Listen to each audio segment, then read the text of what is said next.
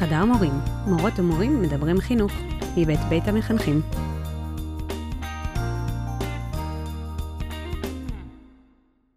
אז uh, הניסיון שלנו כארגון Early Starters בשנה וחצי האחרונות הוא ניסיון של הקמה והפעלה של מרחבים בטוחים לילדים uh, אוקראינים באוקראינה ובמדינות שמסביב לה, ילדים פליטים. והמפגש הזה עם ילדים פליטים שגרים בכל מיני מקומות שלא בהכרח מותאמים אה, למגורים של ילדים, עם משפחות שלא תמיד מתפקדות במאה אחוז, אה, בתנאי חיים שבהם אין להם חדר משלהם, בוודאי לא חדר משחקים, והניסיון שלנו להקים להם מרחב שבו הם יכולים לחזור להרגיש ילדים, לשחק, ליצור, אה, להיות אהובים ומחובקים, הוא ניסיון שהיה מאוד אה, מערב ומרגש, אבל תמיד היה לנו שם מרחק רגשי. אה, וידענו שאנחנו יכולים לחזור לישראל ולהשאיר את הילדים האוקראינים עם הצוות שלהם, אבל במרחק בטוח מאיתנו. והנה פה, בחודש וחצי האחרונים, אנחנו בתוך מציאות שבה אנחנו נתקלים מקרוב במציאות של ילדים פליטים בישראל, שזו מציאות שלא אנחנו אה, ולא גופים אחרים בעצם אה, אה, התרגלו לחיות אותה ולפעול בתוכה. ויש משהו בחוויה הזאת שהוא חוויה מאוד, מאוד דרמטית.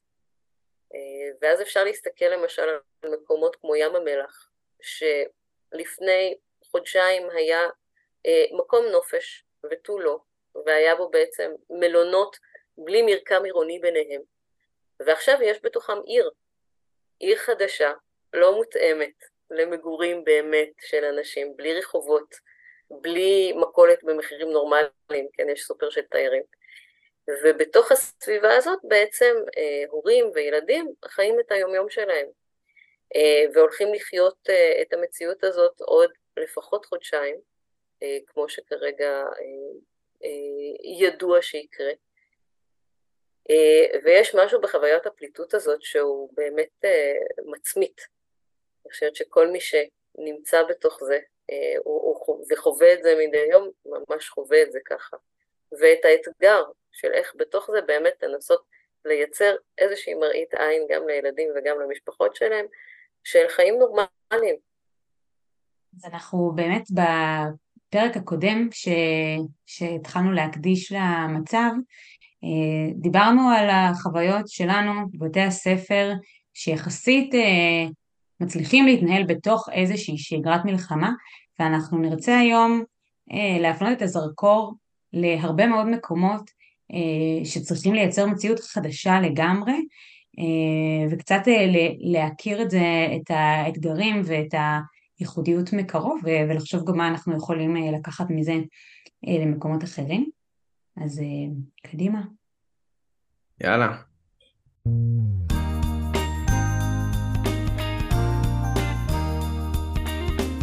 אז ברוכים הבאים לפודקאסט שלנו, חדר מורים. אני יעל.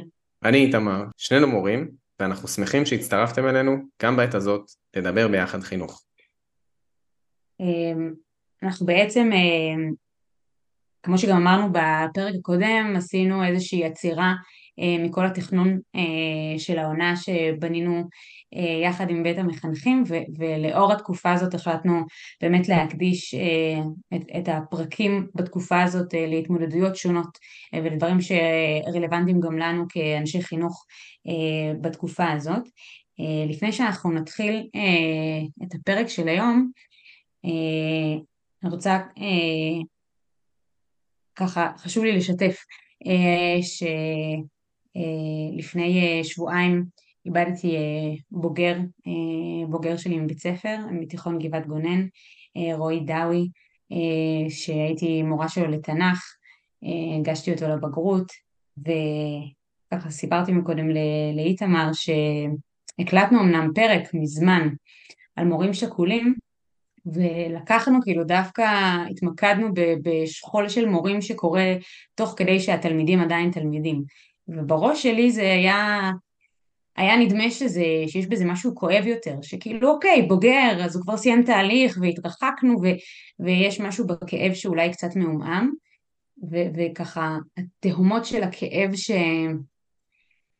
שנפערו בפניי בתקופה הזאת הראו לי ש- שאין, גם מרחק של של שנים לא, לא מטשטש שום דבר, אה, וזה ממש, קבענו את ההקליטה של הפרק הזה לשבוע שעבר, ואמרתי לאיתמר, אני פשוט לא מצליחה, כאילו, אני לא מצליחה, וזה לא שאנחנו כאן אה, באיזשהו נושא של מסיבות וצחוקים, אבל גם אה, בנושא הזה הרגשתי שאני פשוט לא, לא, אפילו לא מסוגלת לתפקד בזה. אמ, אז סתם, אז גם זה חלק מה, מהחוויה המורית אה, של הרבה מאוד מאיתנו ש, שהצטרפו למעגל הנורא הזה אה, של השכול אה, גם כמורים, והכאב הזה הוא נורא. אמ, אז זהו, אז גם, אז גם זה חלק ממה שאנחנו חווים היום, ו, וזהו, וגם שיהיה לזכרו של רועי שהיה, שהיה בחור מדהים. אה, זהו.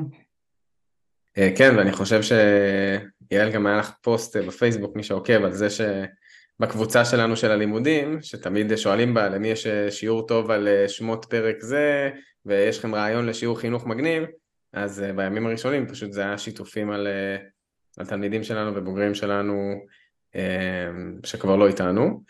אז זה באמת חלק מהמציאות אה, של להיות מורה אה, או מורה בישראל היום. ו... ולנו שבאמת אה, ביום יום נורא חשוב לנו השגרה והזה, אנחנו היום בפרק שמדבר על מה עושים כשכל מה שאנחנו מכירים לא קיים יותר, וזה מביא אותנו ל... ליולי, האורחת שלנו. כן, אז מצטרפת אלינו יולי חומצ'נקו, מנהלת הפעולות של Early Starters במזרח אירופה, ו- וכרגע ב- בישראל, באזור אה, ים המלח. אה, יולי, את רוצה לספר קצת על עצמך? היי יעל, היי תמר.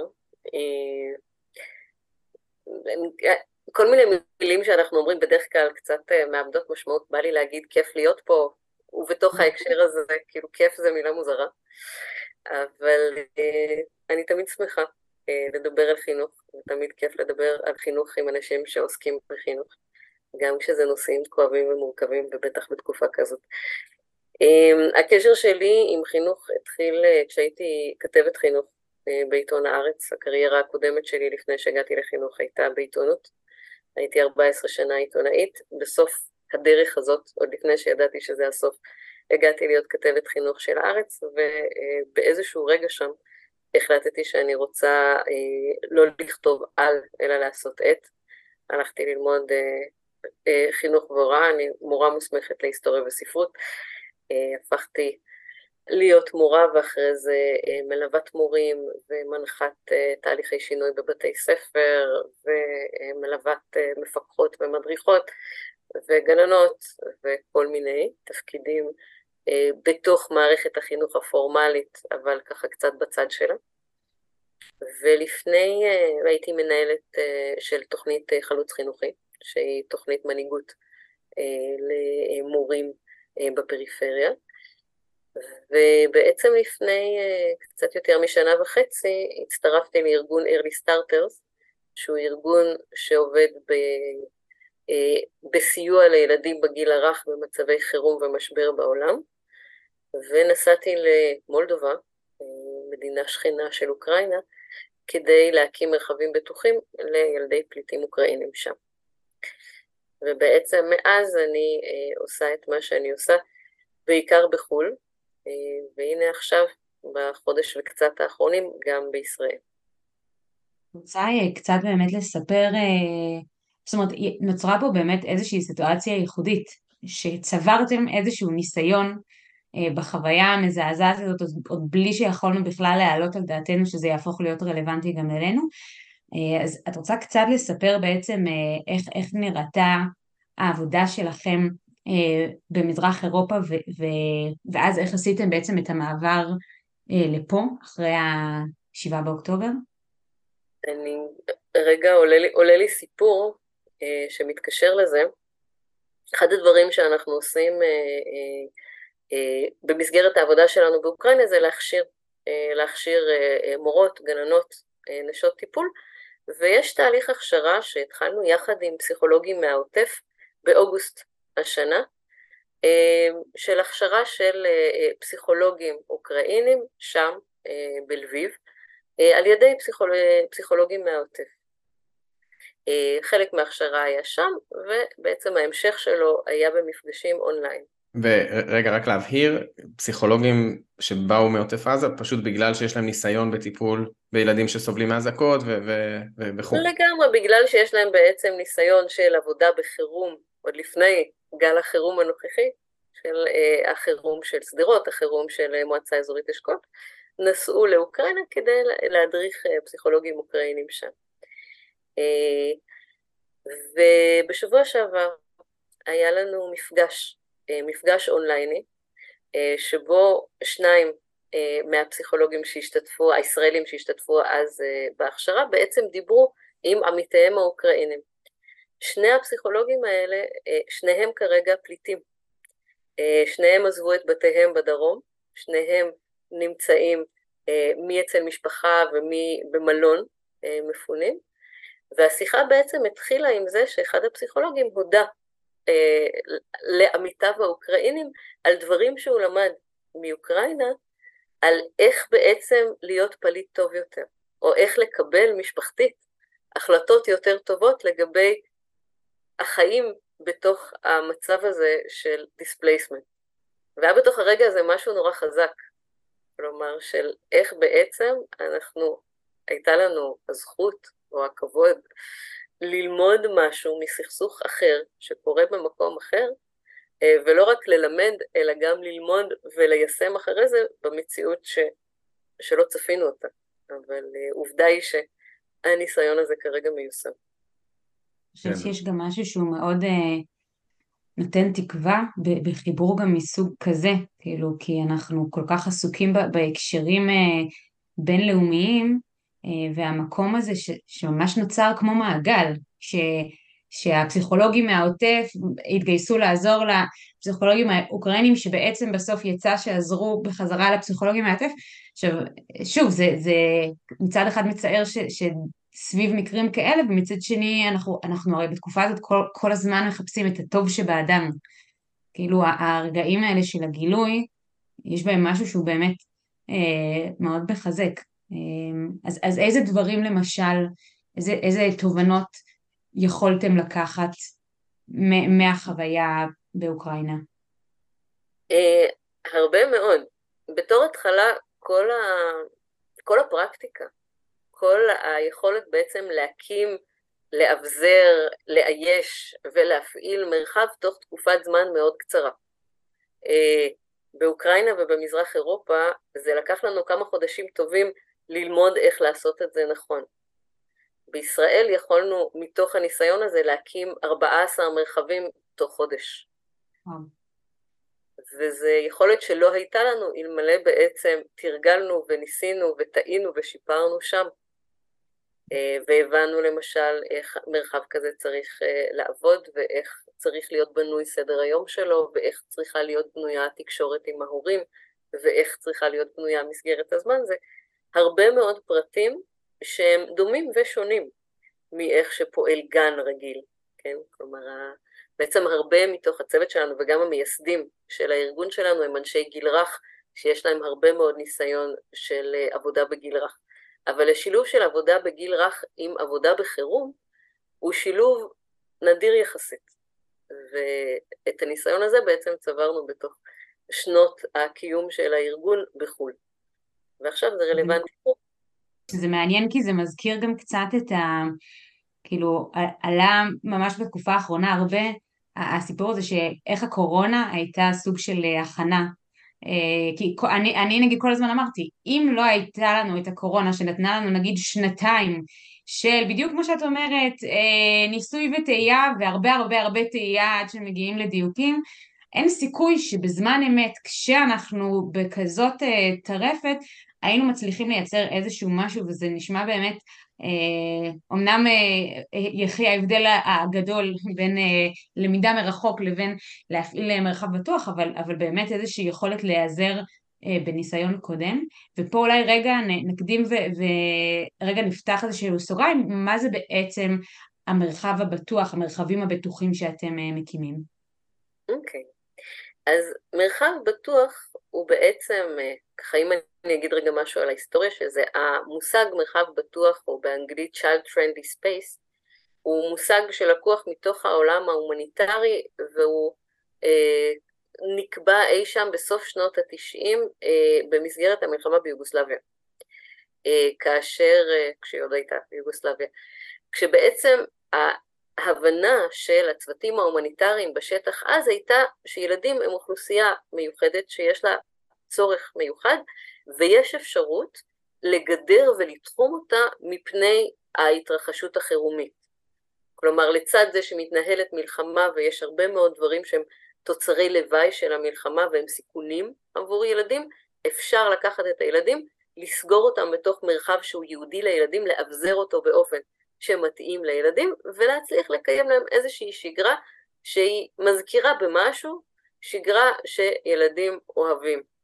ואני רוצה לשאול על זה, כאילו, כשאת אומרת שיש אפשרות לגדר אותם ושזה דווקא מייחד את הילדים, זה בעצם קשור כאילו לתופעה הזו שאנחנו מכירים על ילדים, ובאמת ככל שהם צעירים זה נראה לי עוד יותר ככה, שכאילו ההורים לא מסוגלים לעבור לאיזה נורמליות, והם סוחבים את כל, ה, כל הרוג שהם שמעו עליו וכל דבר בחדשות, והילדים כאילו, אמנם חשים שמשהו קורה, אבל הם, יש להם יכולת די מהר אה, לחזור לסוג של נורמליות. בעצם כל מה שהמחקרים לגבי ילדים אה, בתוך מצב חירום מלמדים אותנו, זה שמצד אחד טראומה בגיל צעיר היא טראומה שיש לה יכולת אה, להשפיע עד הגילאים הבוגרים, כלומר אה, ההשפעה של טראומה היא גדולה, אבל גם יכולת התיקון היא גדולה. כלומר, אם פועלים נכון עם ילדים בגיל הרלוונטי ומייצרים להם את, הנס, נס, את הנסיבות היציבות האלה, אז בעצם ה- היכולת של ילד לעבור את האירוע הטראומטי או את אירוע הסטרס ולחזור לאיזשהו מסלול היא גדולה. לכן, לכן זה כל כך חשוב, הפעולה הזאת. כלומר, זה בעצם משהו שמונע, אם עושים אותו נכון, הוא מונע את הצטברות האפקט של הטראומה בגילאים הבוגרים ובעתיד של הילדים.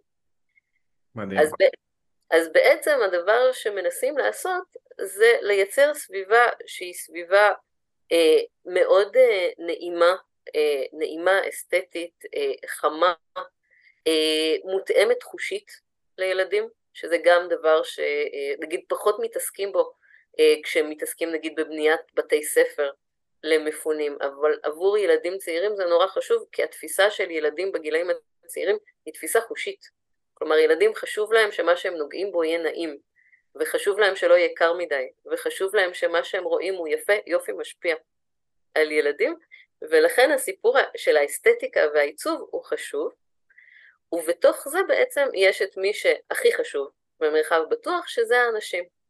אנשים שהם דמויות קבועות, אנשים שהילדים מתרגלים לראות אותם יום אחרי יום אחרי יום, אנשים שיודעים לעבוד עם ילדים, שיודעים לאהוב ילדים ולהביע אמפתיה כלפי ילדים. אה, ויש בעצם כל מיני אפשרויות פעילות שהן אפשרויות שמותאמות בכלל לעבודה עם ילדים ועוד יותר מותאמות למצב חירום. כלומר יש נגיד בתוך סט הכלים שעובדים במרחב בטוח דברים שאנחנו יודעים שהם שימושיים יותר, אה, כמו אה, יצירה מחומרים מסוימים, אה, כמו תנועה, כמו מיינדפולנס באיזושהי רמה ילדית, כן, עבודה עם נשימות, כמו מגע, כמו משחק סוציו-דרמטי. היכולת של ילדים בעצם דרך משחק להסביר לעצמם מציאות גם קשה אה, וטראומטית, ובעצם לעבור אותה, כן, לעבור לצד השני שלה, אה, היא משהו שאנחנו רואים כל יום במרחבים הבטוחים שלנו, עם ילדים בכל הגילאים ובכל הארצות. את, את יכולה לתת איזה דוגמה על זה? כי זה נראה לי נקודה... בטח. בטח. נגיד אחד הדברים שהאביזרים הקבועים שיש לנו כמעט בכל מרחב זה בית. בית משחק מפלסטיק כזה שיש לפעמים אה, אה, אה, בחצרות, אה, וברגע שהבית מגיע יש סביבו המון התרחשות בתוך המרחב שנורא מעניין לעקוב אחריה. א', הילדים שקשה להם להיפרד מההורים שלהם, בדרך כלל הדבר הראשון שהם עושים, אחרי שהם מעיזים לאט לאט להיפרד מהילד, זה להיכנס לבית ולהיות שם. לפעמים עם כרית, לפעמים עם שמיכה, לפעמים עם מבוגר, לפעמים עם דובי, אבל קודם כל, רגע זה איזשהו תחליף למקום בתוך המרחב הבטוח, זה המרחב הבטוח הקטן. אה, ואז אנחנו רואים המון משחקים, שוב ילדים בגילאים שונים מבטאים את זה אחרת, שקשורים למצב אה, שקרה להם. אה, המון המון משחקי אזעקה. ילדים משמיעים קולות של אזעקה, רצים מסביב לבית, מתחבאים בתוך הבית, יש טובים, יש רעים, בתוך המציאות הישראלית ראינו ילדים משחקים בזה שמישהו מחזיק את הידית של הדלת ומונע מהרעים, כן, ממש ככה. אה, ויש בזה לפעמים משהו שנורא מבהיל מבוגרים שלא מכירים. אה, נכון. הנה, האוי ואבוי הזה, כן, זה, נשמע, קשה, נורא. ישר מה שעבר לי בראש, אוקיי, המבוגר שנמצא שם, מה, התפקיד שלו? הוא רואה את המשחק הזה. לא להפריע. אז, אז אני גם חושב שיש פה תפיסה שהיא אחרת, שמעניין לשים על זה את האצבע. אני חושב שאנחנו כאנשי חינוך, וגם אני חושב אנשים אמפתיים כזה, בלי הכשרה, אם מישהו עבר משהו קשה, אנחנו ננסה להגן עליו, כאילו להרחיק ממנו דברים שיהיו סוג של טריגר, כאילו עצם הבחירה לה, להביא בית ענק למרחב של ילדים שהם פליטים, כלומר כל אחד עם סיפור שונה, אבל לכולם יש כרגע מחסור בבית, אמ, זאת בחירה שכאילו אני חושב שאני ורוב אנשי החינוך, בוא נגיד מה, מהמיינסטרים, לא הייתי הולך לשם, הייתי אומר בוא, בוא נביא להם, אה, איך זה נקרא, מתנפחים וטרמפולינות וכאילו נעשה להם שמח, למה להבין משהו שהוא בהכרח רגיש ו- וקשה. אוקיי, okay. אז uh, uh, קודם כל, עוד רגע לפני שאנחנו שמים פה את המחקר, רק מהתבוננות בילדים, אנחנו רואים שהילדים ניגשים למשחק הזה לא באיזה קושי, אלא בשמחה. למה? כי בעצם דרך המשחק הם מייצרים שוב את הסיטואציה כסיטואציה נשלטת. ובעצם כל המחקר על ריפוי במשחק או ריפוי בדרמה מדבר על זה שילד יכול לשחזר סיטואציה שהיא סיטואציה קשה והרבה פעמים יוזם את השחזור שלה בעצמו, לא כי מבוגר אה, מכריח אותו לעשות את זה, כי ברגע שהוא מעביר את זה שוב ושוב דרך הגוף שלו ודרך המשחק, היא כבר שלו. כי לא המקום שבו מישהו אילץ אותו להיות בסיטואציה הזאת והוא היה חסר אונים, אלא עכשיו יש לו יכולת להתגבר על המשחק, כלומר על הסיטואציה וגם לפעמים להמציא לסוף אחר, לנצח. וברגע שהוא מנצח אז אנחנו יודעים שכבר חלק משמעותי מהטראומה נמצא, נמצא מאחוריו. עכשיו אם אנחנו רגע כן נדבר קצת על מחקרים, יש ספר נהדר, שאני בכלל ממליצה לכולם לקרוא עכשיו, אה, של דוקטור באסל ונדר קולק, שנקרא נרשם בגוף. אה, מעולה. ממש. והוא מדבר באמת על המקום של טראומה בגוף, והרבה מזה מאוד רלוונטי לילדים. דווקא משום שילדים לא תמיד יש להם את יכולת ההפשטה או ההבנה, הבנת העל של הסיטואציה. הם חווים דברים בגוף, ובגוף הם חווים במצבי סטרס את חוסר האונים שלהם. כלומר בעצם את המקום שבו אה, התגובה הטבעית של הגוף במצבי אה, סטרס זה לברוח אה, או להילחם, אה, ומה שהם קובעים זה בית, אה, אה, אה, חווים זה את המצב של הכפייה, של החוסר האונים, שאם הוא מעמיק בעצם הוא כלומר מעמיק את הטראומה ויוצר את המצבים הפוסט-טראומטיים. ברגע שדרך הגוף אנחנו יכולים לתת לילד חוויות של מסוגלות, גם סביב הסיטואציה הטראומטית עצמה וגם בכלל.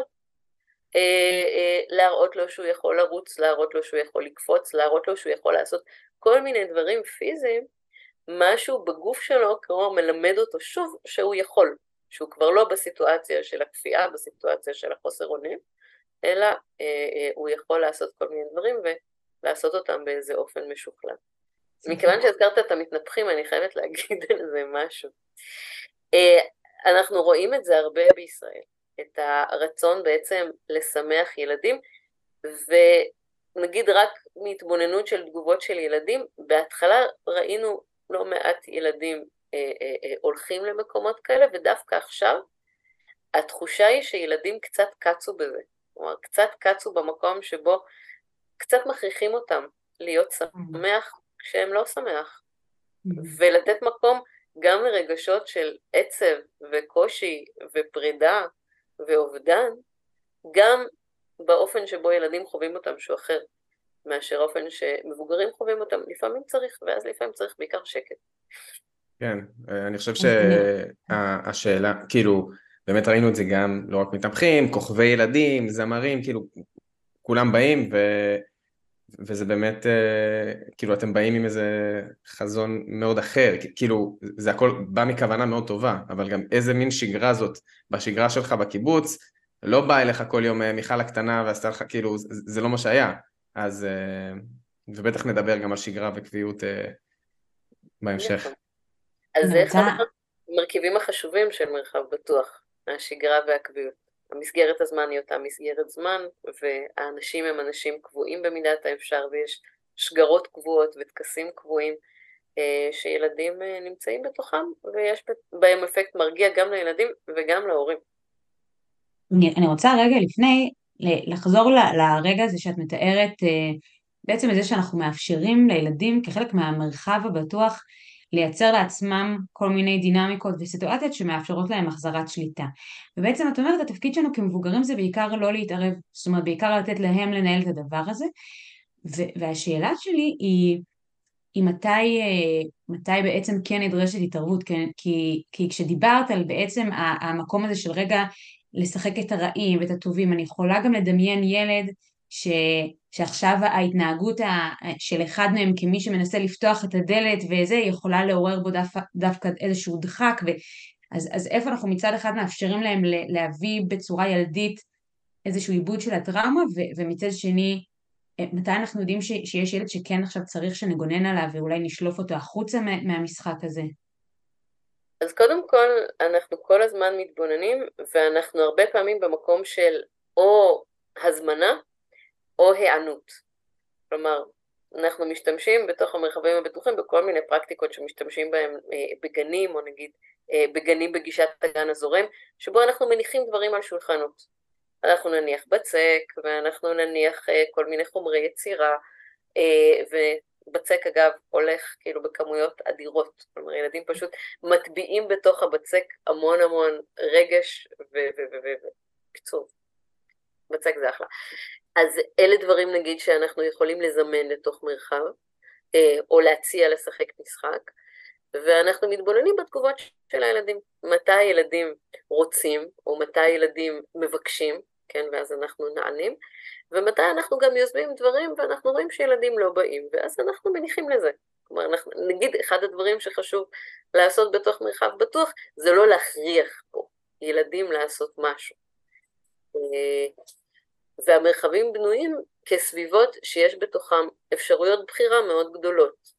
אה, יש קופסאות של מכוניות ושל חיות, ושוב, כאמור, כל מיני אביזרים סוציו-דרמטיים, אה, תחפושות, אה, וכל אלה פתוחים עבור הילדים, וילדים לומדים די מהר שהם יכולים לגשת ולמצוא את הדבר שאותו הם רוצים, שבו הם רוצים לשחק, ולשחק בו, ואף אחד לא מפריע להם.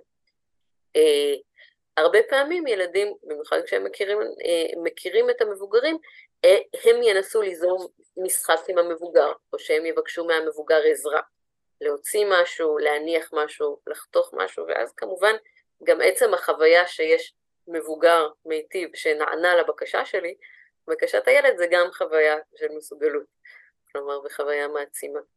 בעצם את מתארת דברים שהם הם די שונים מחוויה של בית ספר. זאת אומרת, כי את אומרת, במרחב הבטוח לא מכריחים, אתה עושה מה שאתה רוצה, המבוגר לא מפריע, אה, ובעצם בכל המקומות האלה שאתם הקמתם מרחבים בטוחים, יש במקביל גם בתי ספר ש...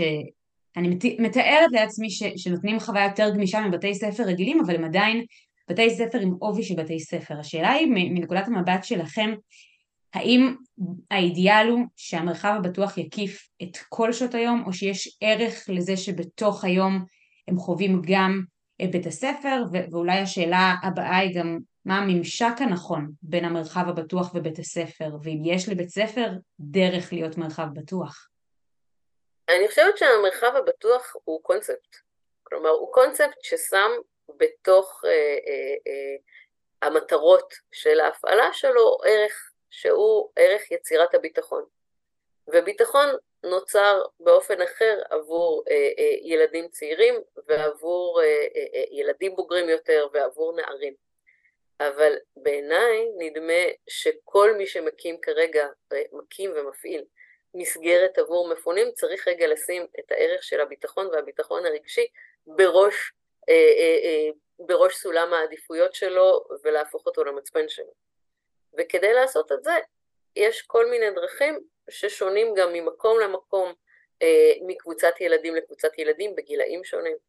כן, אה, יש ילדים בגילאים מבוגרים יותר, שעיסוקים קוגניטיביים למשל, הם אה, אה, דבר שעושה להם טוב.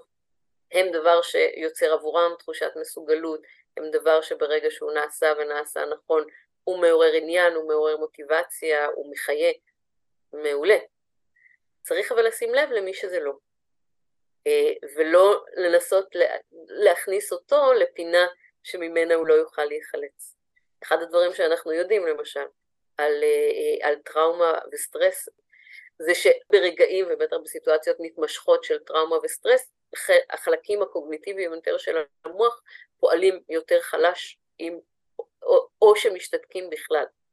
צריך להבין נגיד שילדים שנמצאים במצב כזה והם לומדים בתוך בית ספר צריכים עזרה בפוקוס, צריכים עזרה ביצירת קשב, אה, צריכים עזרה ויש תרגילים שיכולים לעזור להם בזה אה, ואנשים שמפעילים מסגרות כאלה צריכים להכיר אותם. ואתם באמת אה, יוצרים איזשהו קשר? זאת אומרת, יש לכם במסגרת ההפעלה של המרחבים הבטוחים גם קשר עם מפעילי בתי הספר? לפעמים זה קורה, יש לנו מרחב בירושלים שפועל דווקא מחוץ למלונות, הוא היחיד שהוא כזה, פועל בתוך אה, אה, מכללת, אה, מכללה להכשרת מורים, מכון כרם, mm. ששם יש גם בית ספר וגם מרחב לגילאי גן, ויש קשר בין ילדי בית הספר וילדי הגן, יש אירועים משותפים, יש קבלת שבת משותפת, ויש משהו מאוד נעים בעובדה שבעצם המקום הוא משפחתי. שזה גם למשל סוגיה נורא חשובה בעיניי בתוך העת הזאת. לפעמים מתוך רצון לחזור לשגרה, יש איזה ניסיון מיד להפריד את הילדים אה, אה, למשבצות הגיל שלהם. Mm-hmm. אה, שיש בזה היגיון מבחינת השגרה או מבחינת נגיד הצורך של מערכת להפעיל מסגרות בכללים מסוימים, אבל עבור משפחות מסוימות ההפרדה בין הילדים היא נורא נורא קשה. אה, כי ילדים היו שם אחד בשביל השני בתוך התקופה של המלחמה, כי הם מרגישים אחראים אחד לשני, כי עצם זה שהם מתרחקים מהאחים הקטנים או הגדולים שלהם מעמיק להם את הסטרס, ואז השאלה אם מסגרת חינוכית יכולה בכלל אה, להתגמש מספיק בשביל להכין את זה. אנחנו בתוך המרחבים שלנו נגיד יודעים לעבוד גם עם קבוצות רב גילאיות. אה, בבית ספר זה יותר קשה, בית ספר מחולק לכיתות ולשכבות גיל, כלומר ולחלוקה בין גן לבית ספר. במרחבים שלנו אנחנו מוצאים לפעמים ילדים בגילאי בית ספר שמכל מיני סיבות מגיעים אלינו ומרגישים אצלנו נוח. כי אולי דווקא במקום שבו הם נמצאים עכשיו יותר אה, נוח ונכון להם לאיזשהו זמן לצייר או, או, או, או להתעסק בבצק או לבנות דברים בלגו, כלומר ואחרי איזושהי תקופה שהם יעברו שם, הם יחזרו לבית ספר ויהיו יותר כשירים אה, ללמידה. אה, אני תוהה, כאילו, אם את יכולה להשליך פה, אה, זה, זה כבר חורג מהתחום ש, של הניסיון הישיר שלך, אבל כאילו, אם לוקחים גם את ה... מרחיבים את זה להיבט הקהילתי, אז יש דבר כזה מרחב בטוח אה, קהילתי? כלומר, איזושהי סביבה ש, שאין בה חילוף, של, שלא אומרת כאילו חייבים לעשות את מה שאנחנו תמיד עושים בקיבוץ לצורך העניין, כי זה לא שכולם מקיבוץ, אבל פשוט זאת המסגרת הכי קהילתית, וכל כך הרבה מהם מהנפגעים הם מקיבוצים. אז כאילו, איך יש דרך ליישם את העקרונות האלה ברמה של משהו קהילתי? תראה, אחד המרחבים שאנחנו מפעילים הוא עבור קהילת בארי. זה המרחב הראשון שהקמנו בים המלח, והוא מרחב שבהתחלה פעל בשעות הבוקר ואחר הצהריים. היום, אחרי שבעצם קהילת בארי יזמה הקמה של גנים, הוא פועל רק אחר הצהריים, כדי לא להתחרות בגנים. אבל בעצם אחר הצהריים אנחנו רואים במרחב ילדים אה, ומבוגרים, הורים וסבתות, אה, וכולם נמצאים שם. המרחב למשל לא מופרד לרק ילדים, הוא מרחב ילדים והורים, ויש משהו מאוד חזק בתוך האינטראקציה הקהילתית שקורית שם. כלומר, יש שם הרבה שיחות משמעותיות שקורות. יש אה, בעצם, כלומר, הדברים שהיו קורים אולי קודם בדשא ליד אחד הבתים בקיבוץ, קורה כרגע שם. מתוך המרחב במלון. אז כן, זה לגמרי פונקציה קהילתית. במסמך ש... שהוצאתם, אה, שמפרט ככה באמת את העקרונות ואת התובנות שלכם, אה, אז באמת יש דגש על, אה, על, על הכוחות הפנימיים של חברי הקהילה. זאת אומרת, לא לעשות משהו שעוקף או שמתנשא מעל, ובעצם לראות את המרחב הבטוח כ, כחלק מתהליך השיקום של הקהילה, זאת אומרת, מה, כשאת מתארת את הדבר הזה, אז אני באמת יכולה לדמיין איך אתם בעצם מאפשרים לקהילה לגייס את הכוחות הפנימיים שלהם מחדש בצורה שהיא לא נתמכת אה, בכם, זאת אומרת דווקא בתיאור שלך של אנחנו רק מאפשרים, אנחנו משתדלים לא להתערב יותר מדי, משהו שמאפשר אה, איזשהו מרחב צמיחה מחודש גם למבוגרים בקהילה בתור, ה, אה, בתור האחראים, זאת אומרת אני חושבת שבמצב כזה גם כאילו ההורים נמצאים באיזושהי טראומה מאוד מאוד אה, קשה ו- וכאילו לא, אה, לא לנתק אותם אה, מהסיטואציה, זאת אומרת לא גם לתת להם איזושהי תחושה שהם בחוסר אה, מסוגלות ואיזשהו משהו ש- שבעתיד אה, יגרום להם להרגיש שאין להם מסוגלות אה, מול הילדים שלכם. אה, אז זה נשמע שזה גם משהו שאתם נמצאים בו, אה, בחשיבה הזאת וברגישות הזאת. לגמרי. אה, אני חושבת שיש גם כל מיני שלבים בהתהוות של מרחב. אה, וגם מרחבים שונים פועלים באופנים שונים. אנחנו רואים את זה, יש לנו 14, אה, לכל אחד בעצם יש אופי, אופי משלו קצת. אבל אחד הדברים... נובע מהשוני בין הקהילות? לא רק, לא רק. גם מה, מהרגע שבו המרחב הוקם ומהצורך. שסביבו הוא הוקם. אני יכולה להגיד שנגיד אחד הדברים שראינו באמת ממש בהתחלה, זה עצם היכולת של הורים לנשום לרווחה אחרי שהם ראו את הילדים שלהם משחקים במרחב. כי אחד הדברים הכי קשים אה, למי שככה חוו את הזוועה הגדולה, זה התחושה ש... ואלה מהם שהם הורים, זה התחושה שגרמנו נזק איום ונורא ובלתי אה, חוזר לילד שלנו. וברגע שרואים שהילד בסך הכל בסדר, כלומר, הוא די מהר מתרגל למרחב, הוא די מהר מתחיל לשחק, הוא די מהר מתחיל לשחק עם חברים שלו, פתאום יש איזו הנחת רווחה נורא גדולה שאומרת, אוקיי, הילד בסדר. ואז אני כהורה יכול רגע גם לנשום, גם כאילו להתמסר לאבל ולכאב שלי, כאילו, וכבר ככה להתחיל לאט לאט באיזשהו תהליך שיקום.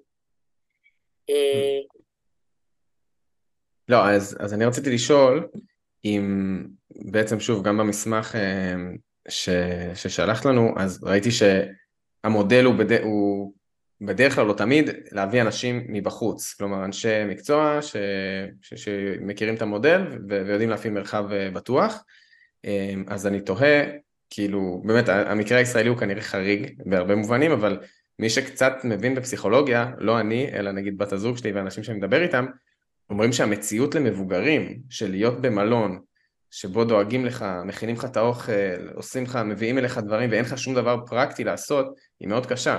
אז, נכון, אז נכון. אני, זהו, אז אני אשמח כאילו גם על הבחירה, אם את יכולה אה, להרחיב על למה כן מביאים אנשים מבחוץ, ואם זה באמת הנורמה, אה, ואם כן, אז, אז למה, ואם יש דרך אה, כן... אז מה ש... ברור. אז מה שסיפרתי בעצם על, על, על הרגעים הראשונים של המרחבים הראשונים שהקמנו באמת נכון לאז, אני יכולה להגיד שהיום, חודש וכמעט חצי אחרי, כבר יש בקשות ודרישות אחרות מההורים. למשל, אחד הצרכים שעולים זה הצורך של ההורים לעבוד.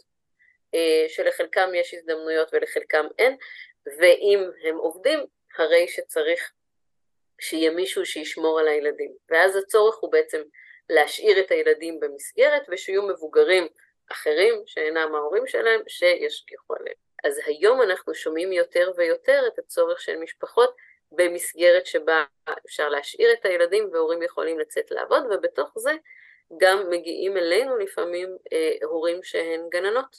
Mm-hmm. אה, ואז אם יש לנו אפשרות להעסיק גננות מקרב המפונות, אה, אה, שיהיו בעצם חלק מצוות הפעלת המרחבים שלנו, אנחנו מאוד שמחים לעשות את זה. כי זה כמובן הדבר הנכון, זה ווין ווין סיטואשן, גם מייצר רציפות עבור הילדים, גם מאפשר לגננות אפשרות לעבוד במקצוע שלהם, והחיבור הוא אידיאלי. אגב, ככה עשינו הרבה פעמים גם באוקראינה. הרבה מהצוות שלנו באוקראינה הוא צוות אה, אה, מתוך הנשים הפליטות. מהמם. בעצם אתם מדברים גם הרבה בעקרונות על הנושא הזה של יציבות. אה, ויציבות של אנשי צוות. אה, והשאלה שלי היא קודם כל טכנית, איך, איך אה, עושים דבר כזה? כי אני חושבת שנגיד מי שמקשיבים עכשיו, בטוח לאורך החודש וחצי האחרונים, כשראו כל מיני פרסומים על בתי ספר חירום ועל מסגרות לזה, אמרו, סבבה, אני עוזב הכל, אני עוזב את הבית ספר שלי, אני הולך זה, וכאילו בסוף אנחנו אומרים, שנייה, אבל אנחנו נעזוב את הבית ספר הלא חירומי שלנו ו- ואנחנו, אין מי שימלא את מקומנו, ו- אבל, אבל בעצם בגלל זה אני לפחות מסביב שומעת על המון אנשים שמחפשים להתנדב ליום, יומיים, גג שבוע, אבל כאילו בעצם איך מצליחים לגייס, את מדברת פה על כמות מטורפת, 14 מרכזים, אמ, איך מצליחים לגייס אנשים ש... שעוזבים את הכל ומתמסרים בצורה יציבה לדבר הזה? אז א', זה האתגר הגדול לא רק שלנו, של כל הגופים שבעצם מפעילים כרגע אה, מסגרות חינוכיות, כי עכשיו, כשכבר יש איזשהו פרק זמן שאפשר להסתכל עליו קדימה, אה, והוא פחות או יותר התייצב, מדברים על חודשיים כרגע, כלומר עד אה, סוף דצמבר או תחילת ינואר, שבהם ודאי שמרבית המפונים יישארו בתוך מסגרות שהן מחוץ לבית שלהם, אז בתוך פרק הזמן הזה צריך למצוא אנשים שמחויבים לחודשיים. אה, ואז גם אצלנו וגם ככה דרך גופים אחרים שמחפשים, יש בעצם כמה קטגוריות של אנשים. א', אה, גננות אה, או מורות בגמלאות, mm. כלומר נשים שיש להן ניסיון חינוכי, שמכל מיני סיבות יצאו לחופשה או סיימו את ההעסקה שלהם ועכשיו בעצם חוזרות לעבודה עם ילדים. אז זה קטגוריה אחת. אה, וקטגוריה שנייה אה, היא אנשים צעירים שלחלקם היה אה, ניסיון חינוכי כזה או אחר במסגרת התנדבותית או במסגרת של תנועה לא פורמלית כלשהי או במכינה או בצבא, כן? וכרגע נמצאים בתוך איזה מין מצב של in between כי שנת הלימודים האקדמית עדיין לא התחילה כי אה, הם בדיוק בין טיול לחו"ל לאיזה משהו לא ברור, והם בעצם לא מעט מהצוות שמאייש כרגע את המסגרות האלה, זה צוות שחלקו אנשים נהדרים ומעולים, עם המון מוטיבציה, ואני חושבת שאם מישהו במערכת החינוך יבין את הפוטנציאל של האנשים האלה ויכשיר אותם וגם יכיר בדבר שהם עושים כרגע כמשהו שהוא חלק מתהליך הכשרה, מערכת החינוך רק תרוויח.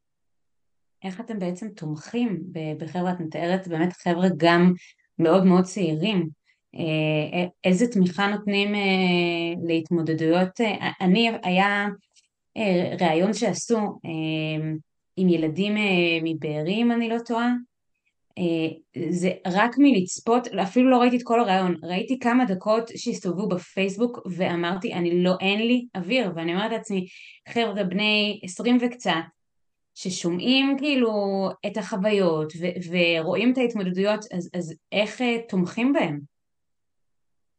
אז קודם כל צריך להגיד רגע שיש משהו בכתבת טלוויזיה שבנוי ונועד כדי לזעזע. לסחוטי דמעות.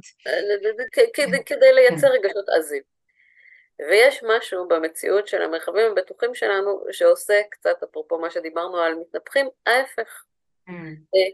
כלומר, מנסה לייצר משהו שבתוכו התקשורת עם הילד היא בסוף דרך המשחק שמשחקים איתו, דרך הבית אה, מלגו שבונים איתו, ובתוך כדי זה לפעמים הילד גם מספר סיפורים ולפעמים מספר סיפורים קשים, אבל יש משהו בעבודה דרך החומר ודרך המשחק שגם נותן איזה קונטרה, כאילו והיא קונטרה רגשית חשובה. כלומר, בסוף יש משהו במציאות של המרחב הבטוח, שהוא מרחב בטוח, ככה בתחושה שלי, ובאיך שאני רואה את זה, שהוא מרחב בטוח גם למבוגרים שעובדים שם. כלומר, אה, כלומר, יכול להיות שאם אני מדריך צעיר במרחב בטוח, אז, אז אולי יותר סביר שאני מסיים את היום באמירה של כזה, וואי, איך נמאס לי לשחק טאקי, או לשחק בצק עם הילד ההוא שלא משחרר, מאשר אמירה של כזה, וואו, איזה דברים וסיפורים קשים שמעתי. אה, אז אני חושבת אפילו שמהרבה מהם אני שומעת אה, דברים כמו, אני מרגיש שהייתי משמעותי. Mm. אני מרגיש שעשיתי משהו חשוב בשיחה עם הילד הזה. או שעשיתי משהו חשוב בתקשורת. כלומר, יש הרבה חוויות שהן גם חוויות של, אה, נגיד חגיגות קטנות, אם אפשר להגיד ככה. לראות ילד שבהתחלה היה מאוד עצור ועכשיו הוא אה, משתולל אפילו, כן, ועושה בלאגן, זה דבר משמח בעבודה שלנו. כאילו זה פחות באמת השחיקה הזאת של אוף, שוב כאילו מישהו אה, אה, אה, עשה לנו בלאגן וצריך לסדר, לפעמים נגיד דווקא רגעים כאלה הם נורא משמחים אותנו. אנחנו רואים שהילד מרגיש טוב. עד שהוא מרשה לעצמו לעשות בלאגן, איזה כיף. וזה נגיד אחד הדברים החשובים, ב, נגיד באלמנטים של התמיכה שלנו בתוך אנשי הצוות, לעזור להם לראות את הרגעים הקטנים, את התהליכים, את המקומות שבהם הם משמעותיים, ולחזור ולהדגיש את זה, כי זה באמת אנשים שכרגע עושים עבודה נורא חשובה של ריפוי. כן, זה, זה סופר חשוב אה, גם לכל מי שמחנך את הניצחונות הקטנים, אבל אז רק להבין, כן יש איזשהו מקום של פורקן, אה, של פורקן פרופר, כאילו לשתף... לגמרי, ב... לא, יש, זהו, זה, זה רגע ככה ביומיום. אה, חוץ מזה יש לנו מערך של הכשרה ופיתוח מקצועי שבנינו ואנחנו מנהלים אותו עבור כל אנשי הצוות שלנו. אה, בכל המרחבים, ובתוכו יש אה, אה, תכנים שקשורים לעבודה במרחב בטוח, ותכנים שקשורים למבנה המוח בטראומה וסטרס, ותכנים שקשורים לעבודה דיפרנציאלית בקבוצה, כלומר איך עובדים ילדים שונים בתוך מרחב שהוא מרחב קבוצתי, ותכנים שקשורים לעבודה עם הורים למשל בתוך הסיטואציה הזאת, כי הורים הם הרבה פעמים חלק בלתי נפרד מהמרחב. דברים שבעצם אה, אה, אה, משלימים את הידע של הצוות שלנו לגבי כלים שלא תמיד כולם מחזיקים והם שימושיים. וגם הרבה ככה מודלינג וליווי במקום עצמו. אנשי הצוות שלנו מסתובבים בין כל המרחבים, מדגימים הרבה מה אפשר לעשות, איך אפשר לעשות את זה, וגם תומכים רגשית. יש בתוך בתוך העבודה שלנו גם רגעים שבהם, שבהם קשה ורגעים שבהם עצוב. אנחנו משתדלים מאוד לשמור על הצוות שלנו מפני שחיקה, אנחנו שולחים אותם לנוח כשצריך. אה, אנשים עובדים במשמרות, לא רצוף כל הזמן, יוצאים אה, אה, לזמנים הביתה, כאילו להתרענן, להיטען. וגם נוצר, נוצרת איזו שגרת צוות שבתוכה אנשים מאוד תומכים אחד בשני, זה גם מאוד חשוב. ככה לקראת סיום, שוב חוזרת להקבלה הרחוקה, אבל אה, בכל זאת לקורונה, אה, ש, שבעצם אה, היה לנו איזשהו תהליך ש, של גם למידה מהקורונה לחיים שאחרי, לחיים הרגילים. אני חושבת שאני נגיד, הדבר שאני הכי לקחתי מהקורונה זה את הסיפור הזה של גיוון. הייתי מאוד רגילה להסתמך על נגיד הכריזמה שלי בכיתה, והזום נטרל אותה לחלוטין ואז כל הזמן הייתי צריכה לחשוב על איך לעשות ככה ואיך שזה יהיה מעניין והחזרתי את זה איתי אה, אה, גם כשחזרנו ללמידה רגילה. עכשיו פה ההשלכה היא קצת יותר רחוקה כי אנחנו לא מדברים פה על מסגרת של חינוך פורמלי ובכל זאת אם, אם אנחנו יכולים ככה מתוך הדברים שאת רואה גם בעבודה באירופה וגם אה, בעבודה פה. משהו שאפשר כן לקחת מתוך המודל הזה, גם לתוך בתי הספר, זאת אומרת משהו שבתי ספר יכולים לעשות אולי קצת אחרת, ש, שכדאי להם ללמוד מתוך המרחבים הבטוחים האלה, כדאי לנו כמורים לאמץ מתוך התובנות שלכם. דווקא אם אנחנו עושים את החיבור כאילו בין הקורונה לבין מרחבים בטוחים באוקראינה ובישראל, אני חושבת שהאלמנט הכי חשוב זה הסיפור של הקשר והמפגש הבין-אישי. Mm-hmm. בתוך החוויה שלי, כלומר בקורונה, התבוננתי בהרבה מחנכים, גם כאלה שליוויתי בתור מנהלת תוכנית חלוץ, וגם המחנכים של הילדים הפרטיים שלי. ובסוף הסיבה העיקרית שבגללה ילדים נכנסו לזום היה אה, לפגוש פנים מוכרות. Mm-hmm. פנים מוכרות של המחנכת שלהם, פנים מוכרות של החברים שלהם, כלומר כל האלמנטים החברתיים והרגשיים עבדו הכי חזק.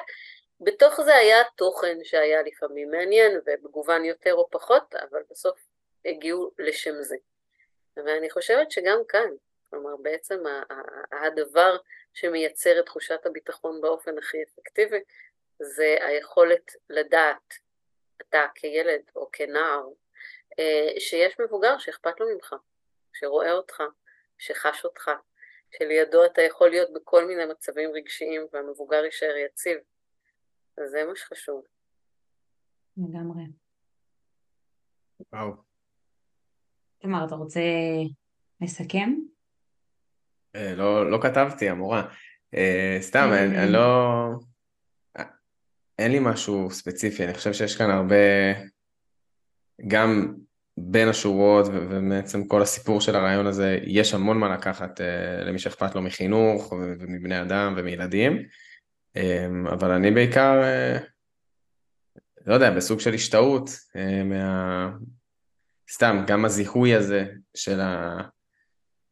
של הנקודת תורפה הזאת או, או הנקודת מנוף הזאת של היכולת להשפיע על ילדים בגיל הרך אה, בצורה מדויקת, היא, היא בעצם אה, יכולה לפתור המון מהטראומה, אה, או, או לחסוך המון מהטראומה, ולעזור לה להיות מעובדת, ולא להפוך לפוסט-טראומה ולמשהו שהילדים סוחבים ככה איזשהו מסע כבד כל החיים, בטוח הם יסחבו משהו, אבל בעצם לעזור לזה לעבור עיבוד ולהמשיך הלאה, אה, זה פשוט אה, רעיון מהמם וגם כאילו אני חושב שזה נורא יפה שמתוך נתינה אה, שלך ושל הארגון למקומות רחוקים, גם לא הזכרנו, אמרת לי שנכון גם באפריקה, כלומר את היית באוקראינה אבל יש גם בכל מיני מדינות ברחבי העולם, אז מצד אחד זה מרגיש באסה שפתאום אנחנו מסכנים, מצד שני עצם זה ש...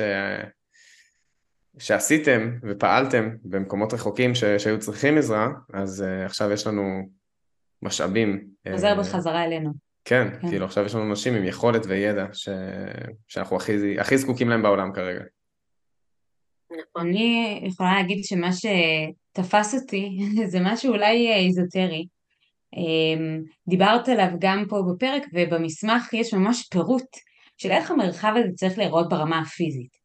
ושצריך שיהיה שטיח נעים, ושיהיה ככה פופים כאלה וזה, ואתה קורא ואתה, ואתה כאילו אומר לעצמך, מה זה אנשים הזויים כאילו, אתה בתוך מלחמה, מה קשור שטיח, מה קשור פופים, בואו תנחתו כאילו על המציאות, ו, וההבנה שבסוף הדברים, כאילו גם הדברים האלה שנראים הכי מותרות ומה, כאילו, ואני מסתכלת רגע על הכיתות שלנו, בסדר, בלי מצב של חירום, אבל הכיתות שלנו שנראות כמו מכלאות, ותלמידים צריכים לצמוח בהם 12 שנה, או נגיד שביסודי זה עוד נראה סביר בחלק מהמקומות, אז את השש שנים של אה, ההתבגרות, וכאילו כמה קריטי, גם לא בחירום, שהמרחב שאתה נמצא בו ישדר לך גם ברמה הפיזית משהו שהוא עבורך, ומשהו שהוא מותאם לצרכים ההתפתחותיים שלך. זה לגמרי משהו שאנחנו יכולים וצריכים לקחת. אני לגמרי מסכימה. אנחנו לא כל כך שונים מילדים בגיל רך, זה גם עניין שחשוב לזכור אותו. לכולנו יש ילדים בגיל רך. לגמרי. טוב. יולי, יש לך משהו ככה לאיזשהו משפט מסכם או משהו לחתום איתו? אמ, א', היה לי נורא מעניין רגע ככה לצאת מתוך המציאות של ההתעסקות בסוף בפרטים הנורא קטנים של ההפעלה, ללהסתכל יחד איתכם מלמעלה. אז אה, ממש תודה על ההזדמנות הזאת. אה, וגם זה באמת עזר לי לחדד שוב את, ה, את המחשבה הזאת שמרחב בטוח הוא משהו שפועל בתוך קונטקסט מסוים ועבור גילאים מסוימים, אבל אלמנטים חשובים בתוכו הם רלוונטיים לכל גיל. אז תודה. תודה לך. תודה לך, היה ממש מעניין. אז אנחנו היינו חדר מורים, שמחים שהייתם איתנו ותודה רבה ליולי שהצטרפה אלינו לדבר חינוך היום.